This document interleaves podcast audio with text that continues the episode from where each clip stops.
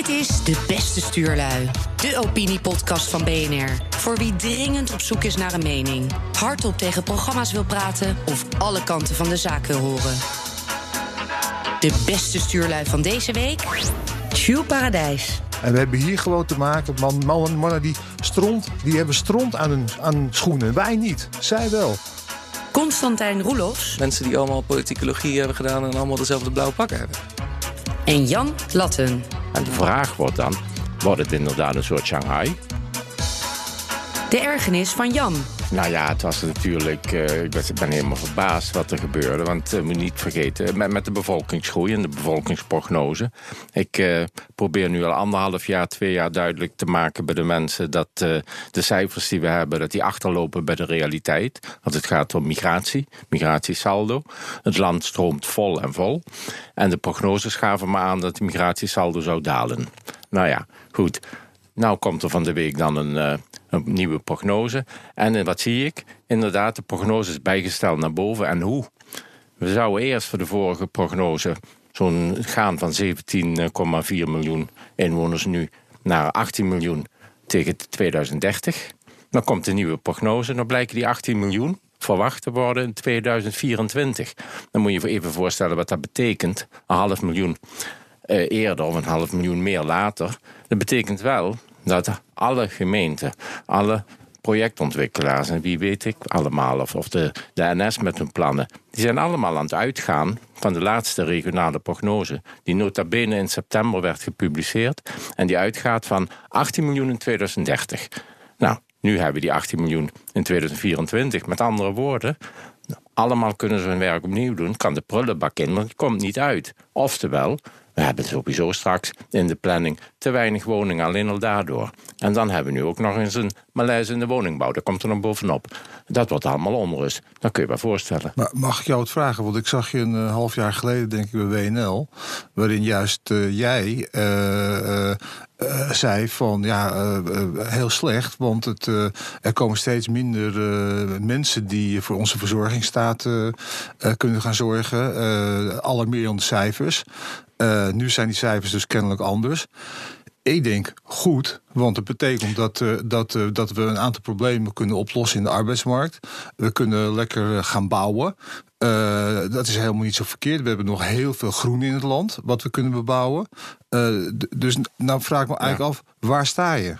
Nou, dat, zoals jij het zegt, kan ik me niet voorstellen. Het ging over geboorte waarschijnlijk.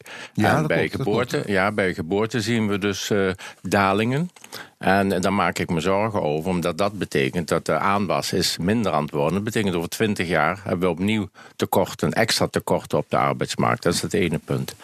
Dat andere, met die extreme bevolkingsgroei van dit moment, ehm, dat vind ik zorgelijk om, om verschillende redenen. En wat je nu krijgt, ik ben ook benieuwd wat gaat gebeuren.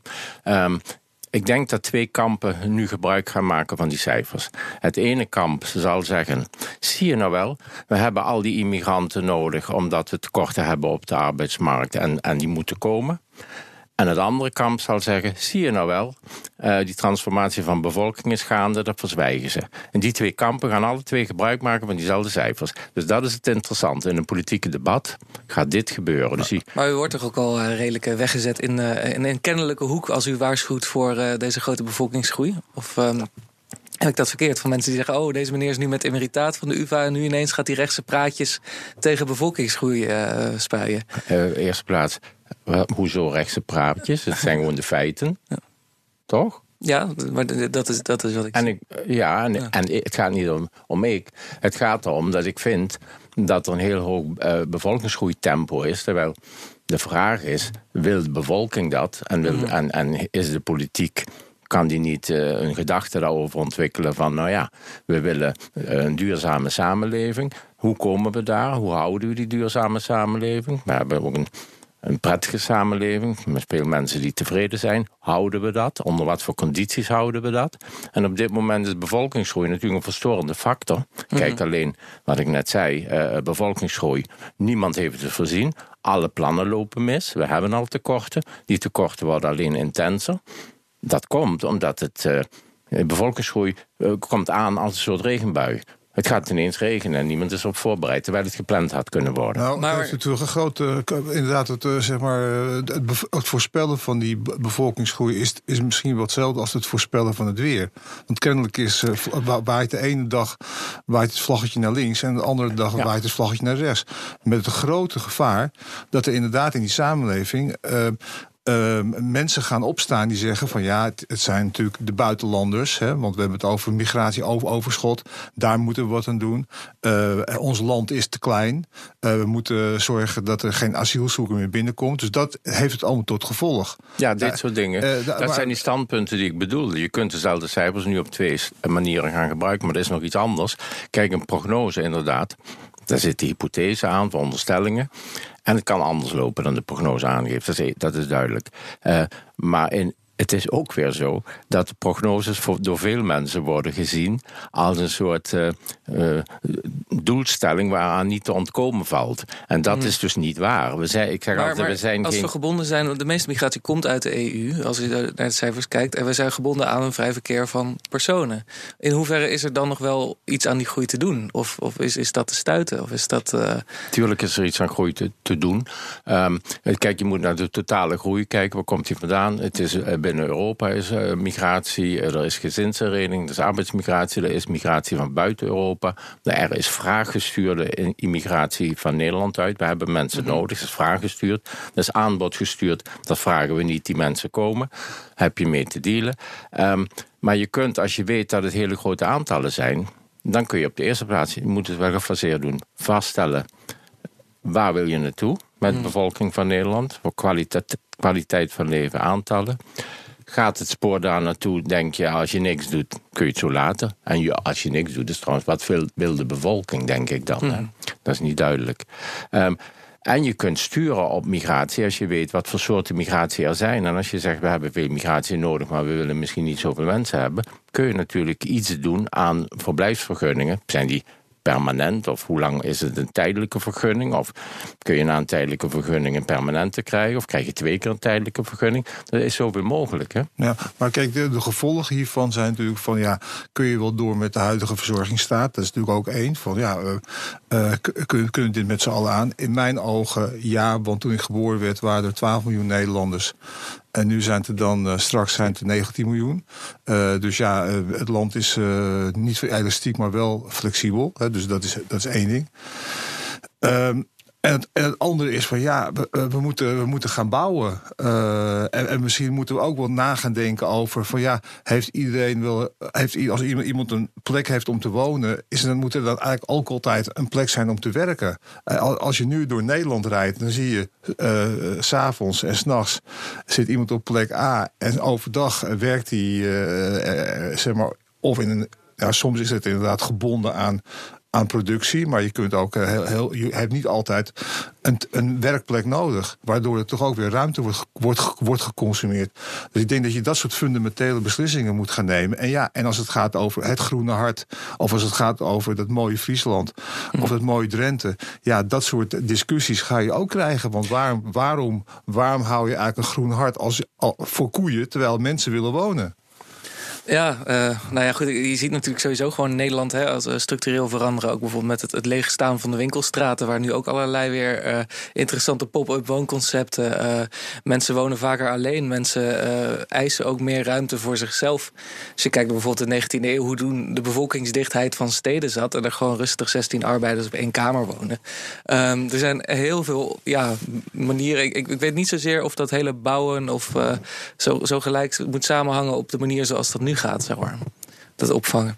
opvangen. Kijk, als je nou kijkt wat spontaan gebeurt, noem het allemaal spontaan, dan zie je dat eh, de bevolkingsgroei wordt opgevangen in de Randstad. Is Noord-Zuid-Holland, de metropoolregio, Brabant, Utrecht, een paar steden in het land, maar niet het platteland. Afgelopen jaren kun je dat gewoon zien. Merendeel komt daar terecht. Even voorstellen, dan komen we er nog 2 miljoen bij. Volgens de prognose. 2 miljoen. Nou, Brabant heeft 2,5 miljoen inwoners. Dus dat hele Brabant moet ongeveer, wat nu in Brabant is, moet geperst worden in Noord, Zuid-Holland, Utrecht, Brabant. En het breidt uiteraard uit nu naar Zwolle, Eindhoven. Maar ehm, die verdeling wo- wordt nou eenmaal zo, omdat dat nodig is voor werk niet te ver van het werk. De, werk, de banen concentreren steeds meer in die randstad bij elkaar. Werkenden moeten daar ook zijn. Alleen ze gaan nog steeds met de auto naar Amsterdam of naar Sloterdijk en dan zit het vast. Daar moet je dus een hele andere infrastructuur hebben. Wat ze in, in uh, Rotterdam, Den Haag ook al hebben. De Randstadrail is fenomenaal natuurlijk. Ja. Uh, dan kun je van Den Haag naar Rotterdam. Als je je, als je, je baan verliest in Rotterdam, kun je hem in Den Haag vinden. Of, of als je er tussenin woont met z'n tweeën, dan kan ieder naar een andere stad. Dat zijn wel de concepten die blijven. Dat is ook de manier van leven die ontstaat. Veel urbaner, veel meer metropoolvorming. En de vraag wordt dan, wordt het inderdaad een soort Shanghai? Gaan we daar naartoe? Willen we dat? Maar ik vind nog veel essentiëler dan die kwantiteit van economie en woningen. Dat is allemaal zo van het harde. Hè? Mhm. Hoe gaat het met het sociale, met de samenhang? Houden we die? Of krijgen we allemaal subgroepen die een beetje door, naast elkaar leven op één grondgebied? Dat vind ik de essentiële vraag. Ik denk, dat vind nog belangrijk. De laatste gaat gebeuren. Als Wat ik, gaat gebeuren? De laatste is, is aan het gebeuren apart wonen. Ja, ja. Dat, ja, dat denk ik ook. Maar dat is niet prettig. Um, ik denk, uh, of de mensen... Ik zou het prettiger vinden als het meer een sociale samenhang zou zijn. En dat, um, dat kan verstoord worden door hele grote influx... die een samenleving niet kan verwerken. Kijk, wat we zien is dat er nu een integratieproces aan het plaatsvinden is al van, noem het dan toch, de autochtone bevolking naar de nieuwkomers toe. Eigenlijk is het integratieproces al langzaam aan het omvormen. En als je nou naar die nieuwe cijfers kijkt, de groei komt er, maar het zijn geen baby's. Dus dat zijn allemaal mensen die komen uit verre landen en soms met totaal ander waardesysteem.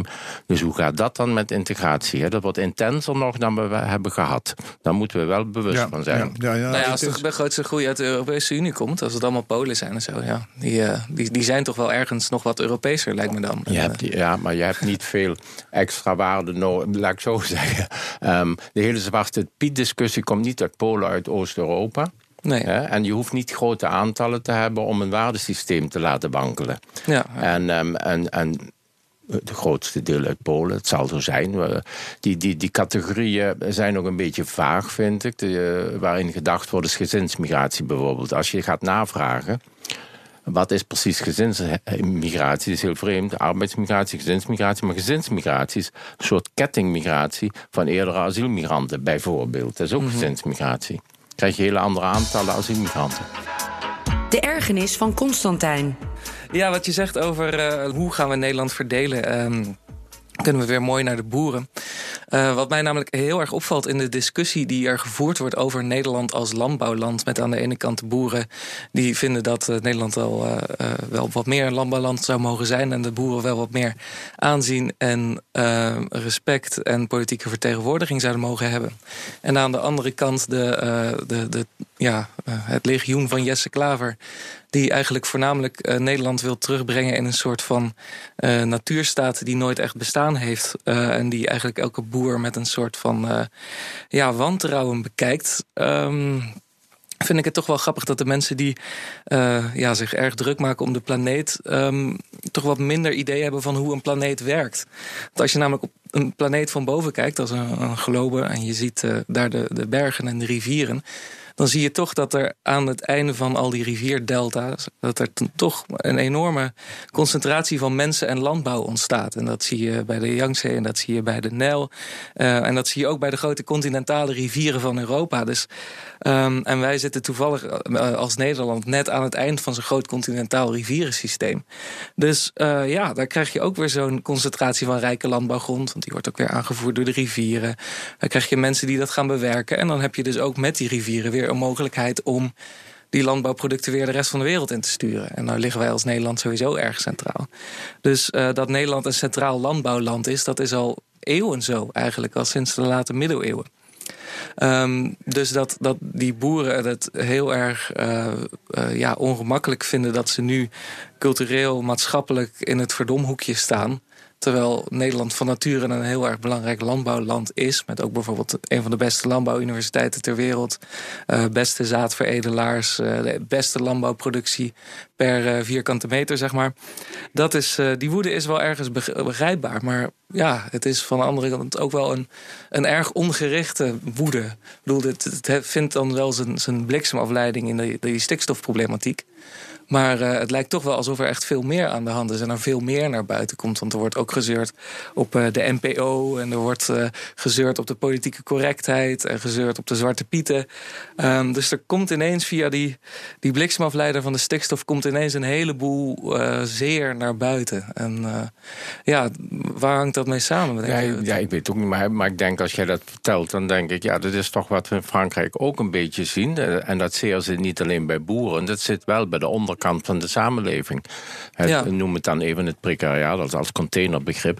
Want die mensen hebben het meeste te maken, het meeste last van die globalisering. Dat is een feit. Als je, en er zijn genoeg onderzoeken van de banken die zeggen, uh, door de instroom van Poolse arbeiders uh, uh, worden ook de lonen in Nederland gedrukt van de flexwerkers die hetzelfde werk doen.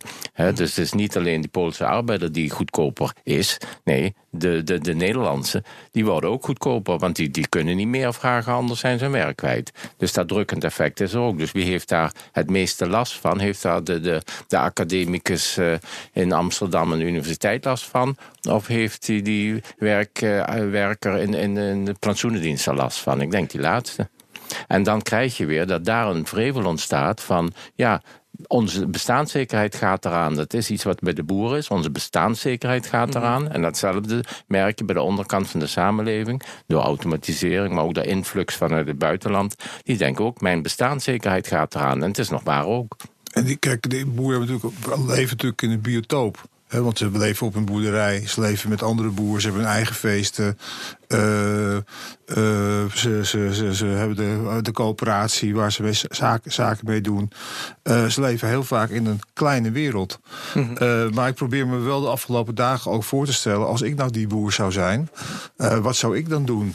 En dan zegt natuurlijk uh, alle mensen in de media en in de politiek van uh, je moet je gedragen, want je gooit je eigen glaas in als je rare dingen doet. En maar als je zelf als een kat in het nauw, je hebt uh, geïnvesteerd, je, je, je, vindt het fantastisch wat je doet, maar je wordt van je brood, denk je, beroofd. je moet zorgen voor je gezin, je hebt het fijn. wat, ga je, wat, wat zou je dan doen? En kijk, wij zitten zo in elkaar dat we zeggen, nou, we gaan met die grote trekker, gaan we niet het binnenhof op en we rijden we rijden zeg maar, het, poortje, het torentje omver, hè, want we zijn, uh, we zijn beschaafd. Hè, maar tegelijkertijd, tegelijkertijd, als ik zo op de A4 zie, zie rijden, of ik zie ze hier op de Dam, dan denk ik, ja, goed dat ze dat doen. Want zij komen wel in verzet. En wij, uh, zeg maar, met het glazuurlaagje over ons heen, we doen eigenlijk niks. Op het moment dat als we met die belasting, ja. hè, nu die, met die ouders ook met die belasting, we doen niks.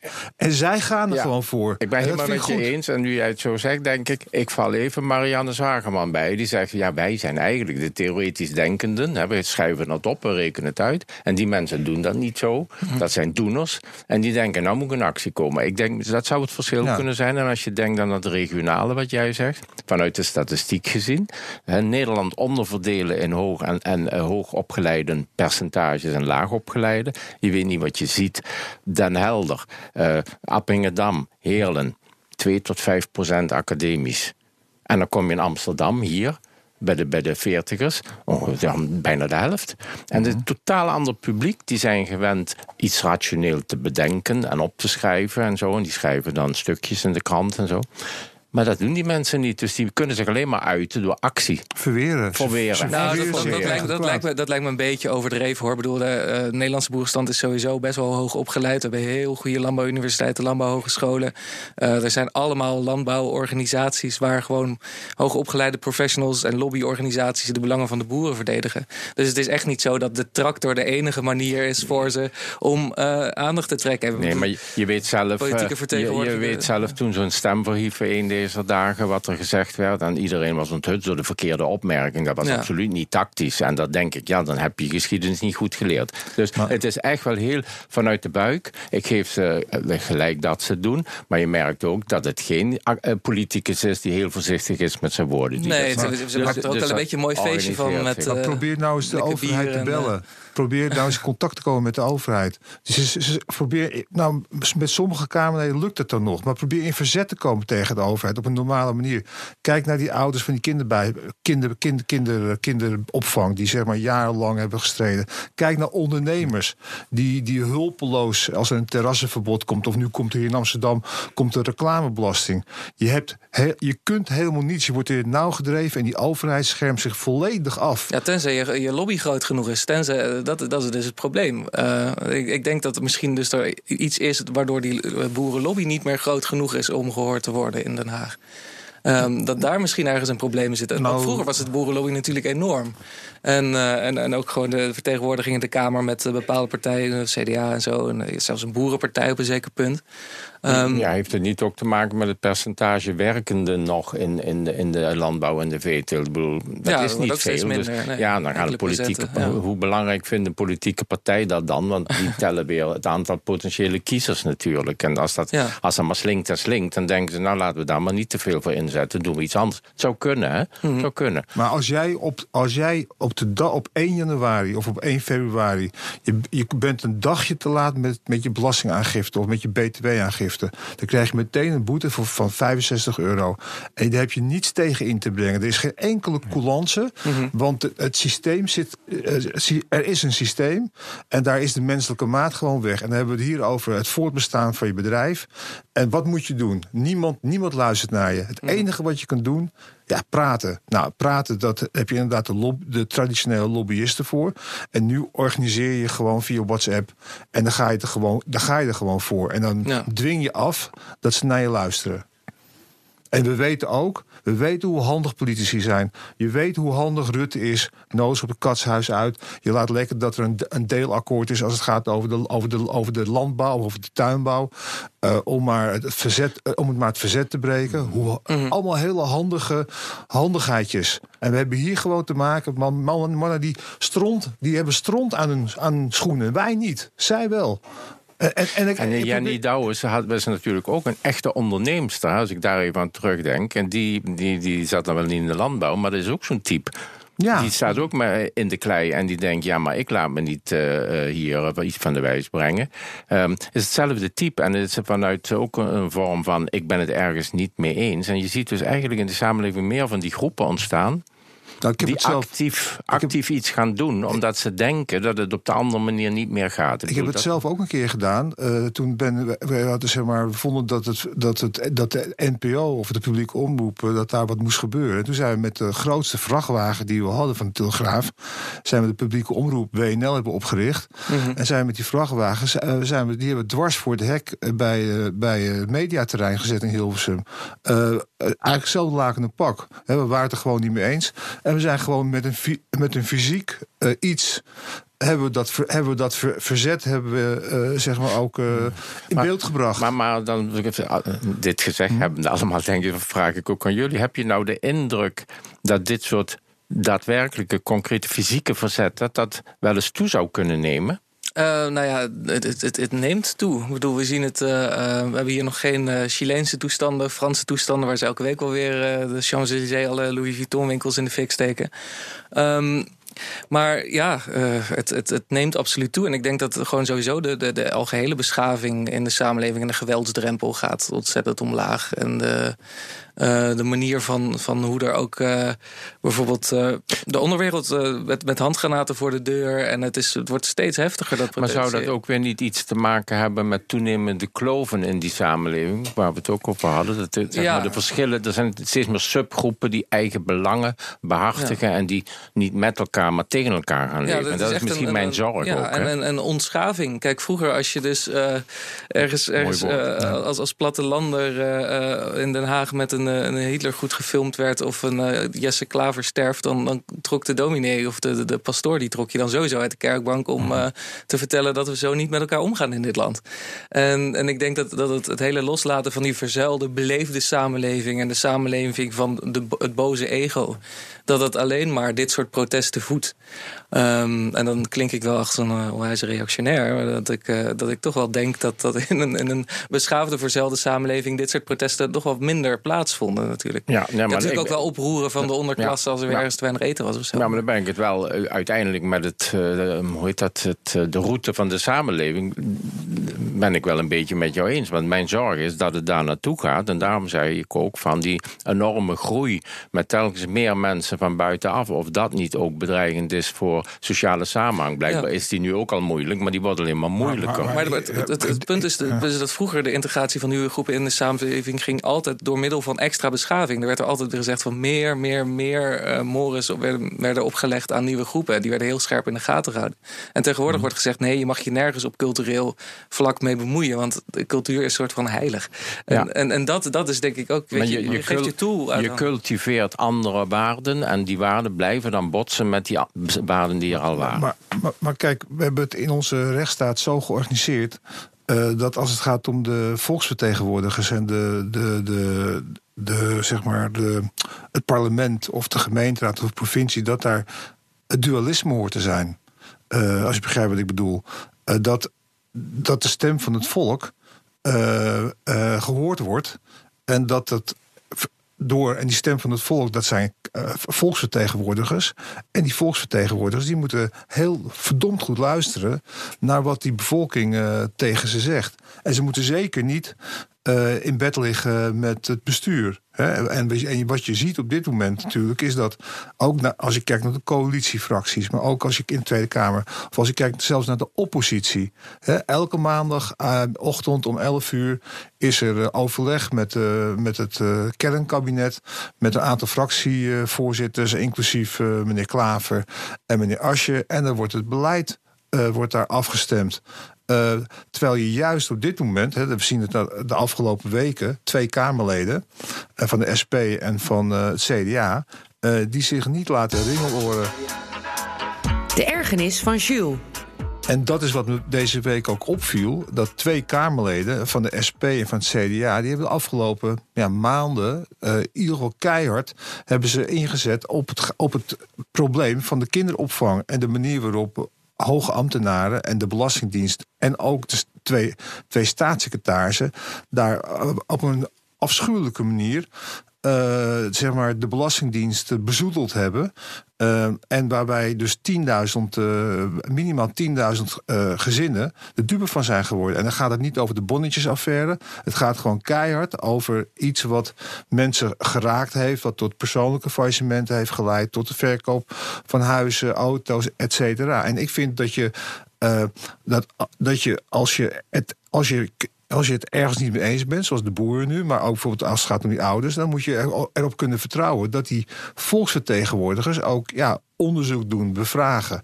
Uh, dat ze luisteren naar de bevolking. En dat je daar niet zoiets hebt van ja, dat Binnenhof, dat is één pot nat. deze twee Kamerleden, ik denk dat het er meer zijn, maar deze twee Kamerleden die hebben hun taak heel goed uh, opgepakt en volbracht. En het heeft inderdaad gelukkig geleid tot het vertrek van de, van, de staatssecretaris. De man had al veel eerder moeten weggaan. Nou, zo, zit ik erin. Dus ik vind het heel belangrijk dat, die, dat het dualisme. Het is misschien een wat ouderwets woord, maar dat dualisme. Uh, dat, dat, uh, dat het in de politiek uh, ja, geworteld is. Ja, maar dat wordt natuurlijk uh, aan twee kanten bedreigd. Aan de ene kant door de, de, de, macht van de lobby en, de, uh, en aan de andere kant gewoon het, het verdwijnen van het maatschappelijk middenveld. Dus je kijkt naar um, hoe klein de politieke partijen zijn geworden vergeleken met vroeger. Hoe klein de hele zeil eromheen en hoe klein uh, ja, de mensen zijn die zich met het aantal mensen wat zich met de politiek benieuwt en wie dat zijn geworden. Hè? Vroeger, vroeger gingen had je nog wel hele bereden partijen. Tegenwoordig, um, als je kijkt naar de top van de partijen, zijn dat allemaal mensen die gewoon vanaf de universiteit, vanuit de politicologie, vanuit de bestuurskunde. Um, dan uh, tassendrager worden van een Kamerlid en dan weer zelf ook Kamerlid mhm. mogen worden. Je krijgt een hele Kamer vol met mensen die alleen maar in dat systeem zitten. En ik denk dat daardoor heel veel belangrijke signalen worden gemist. Ik bedoel, we hebben nu één boer in de Tweede Kamer, Maurits van Martels van het CDA. Um, En Carola Schouten die zit natuurlijk in het kabinet. Alleen de, de, de hele binding met, met de precaire groepen... die is gewoon veel kleiner geworden... als je die hele Kamer volramt met mensen... die allemaal politicologie hebben gedaan... en allemaal dezelfde blauwe pakken hebben. Mhm, maar, maar, maar nog eens, kijk, bijvoorbeeld de lobbygroep... of de ANWB, of noem ze eigenlijk maar, maar op... de LTO Nederland. Ja, zij moeten zich ook niet in het pak laten naaien door het bestuur. Want zij staan voor de belangen... en die moeten ze keihard behartigen... van die mensen die daarachter... of dat nou de automobilisten zijn of de boeren... dan heb je de volksvertegenwoordigers zij moeten het, zeg maar, wetgeving controleren. Ze moeten het, het bestuur controleren. Ze hoeven niet zelf mee te besturen. Weet je, dat die rolverdeling moet gewoon heel erg goed zijn. En wat je ziet, is dat het bestuur zo slim is en zo oppermachtig dat ze, dat ze die Kamerleden inpakken. Ze pakken ook nog eens een keertje zeg maar, de lobby eh, of de belangen, belangen, belangenbehartigers in. Want die ja, maar dat zitten dezelfde mensen. Dat zijn bijna medewetgevers geworden. Nou, Dus we moeten er goed voor zorgen dat die rolverdeling uh, zuiver is. Nou, en, en, en uh, dat, dat is mijn punt. En je ziet er gewoon in 94 uh, is bijvoorbeeld de verplichte advisering door de SER afgeschaft. Waarom? Om juist dat het primaat bij die politiek moet liggen en niet bij allerlei poldergedoe.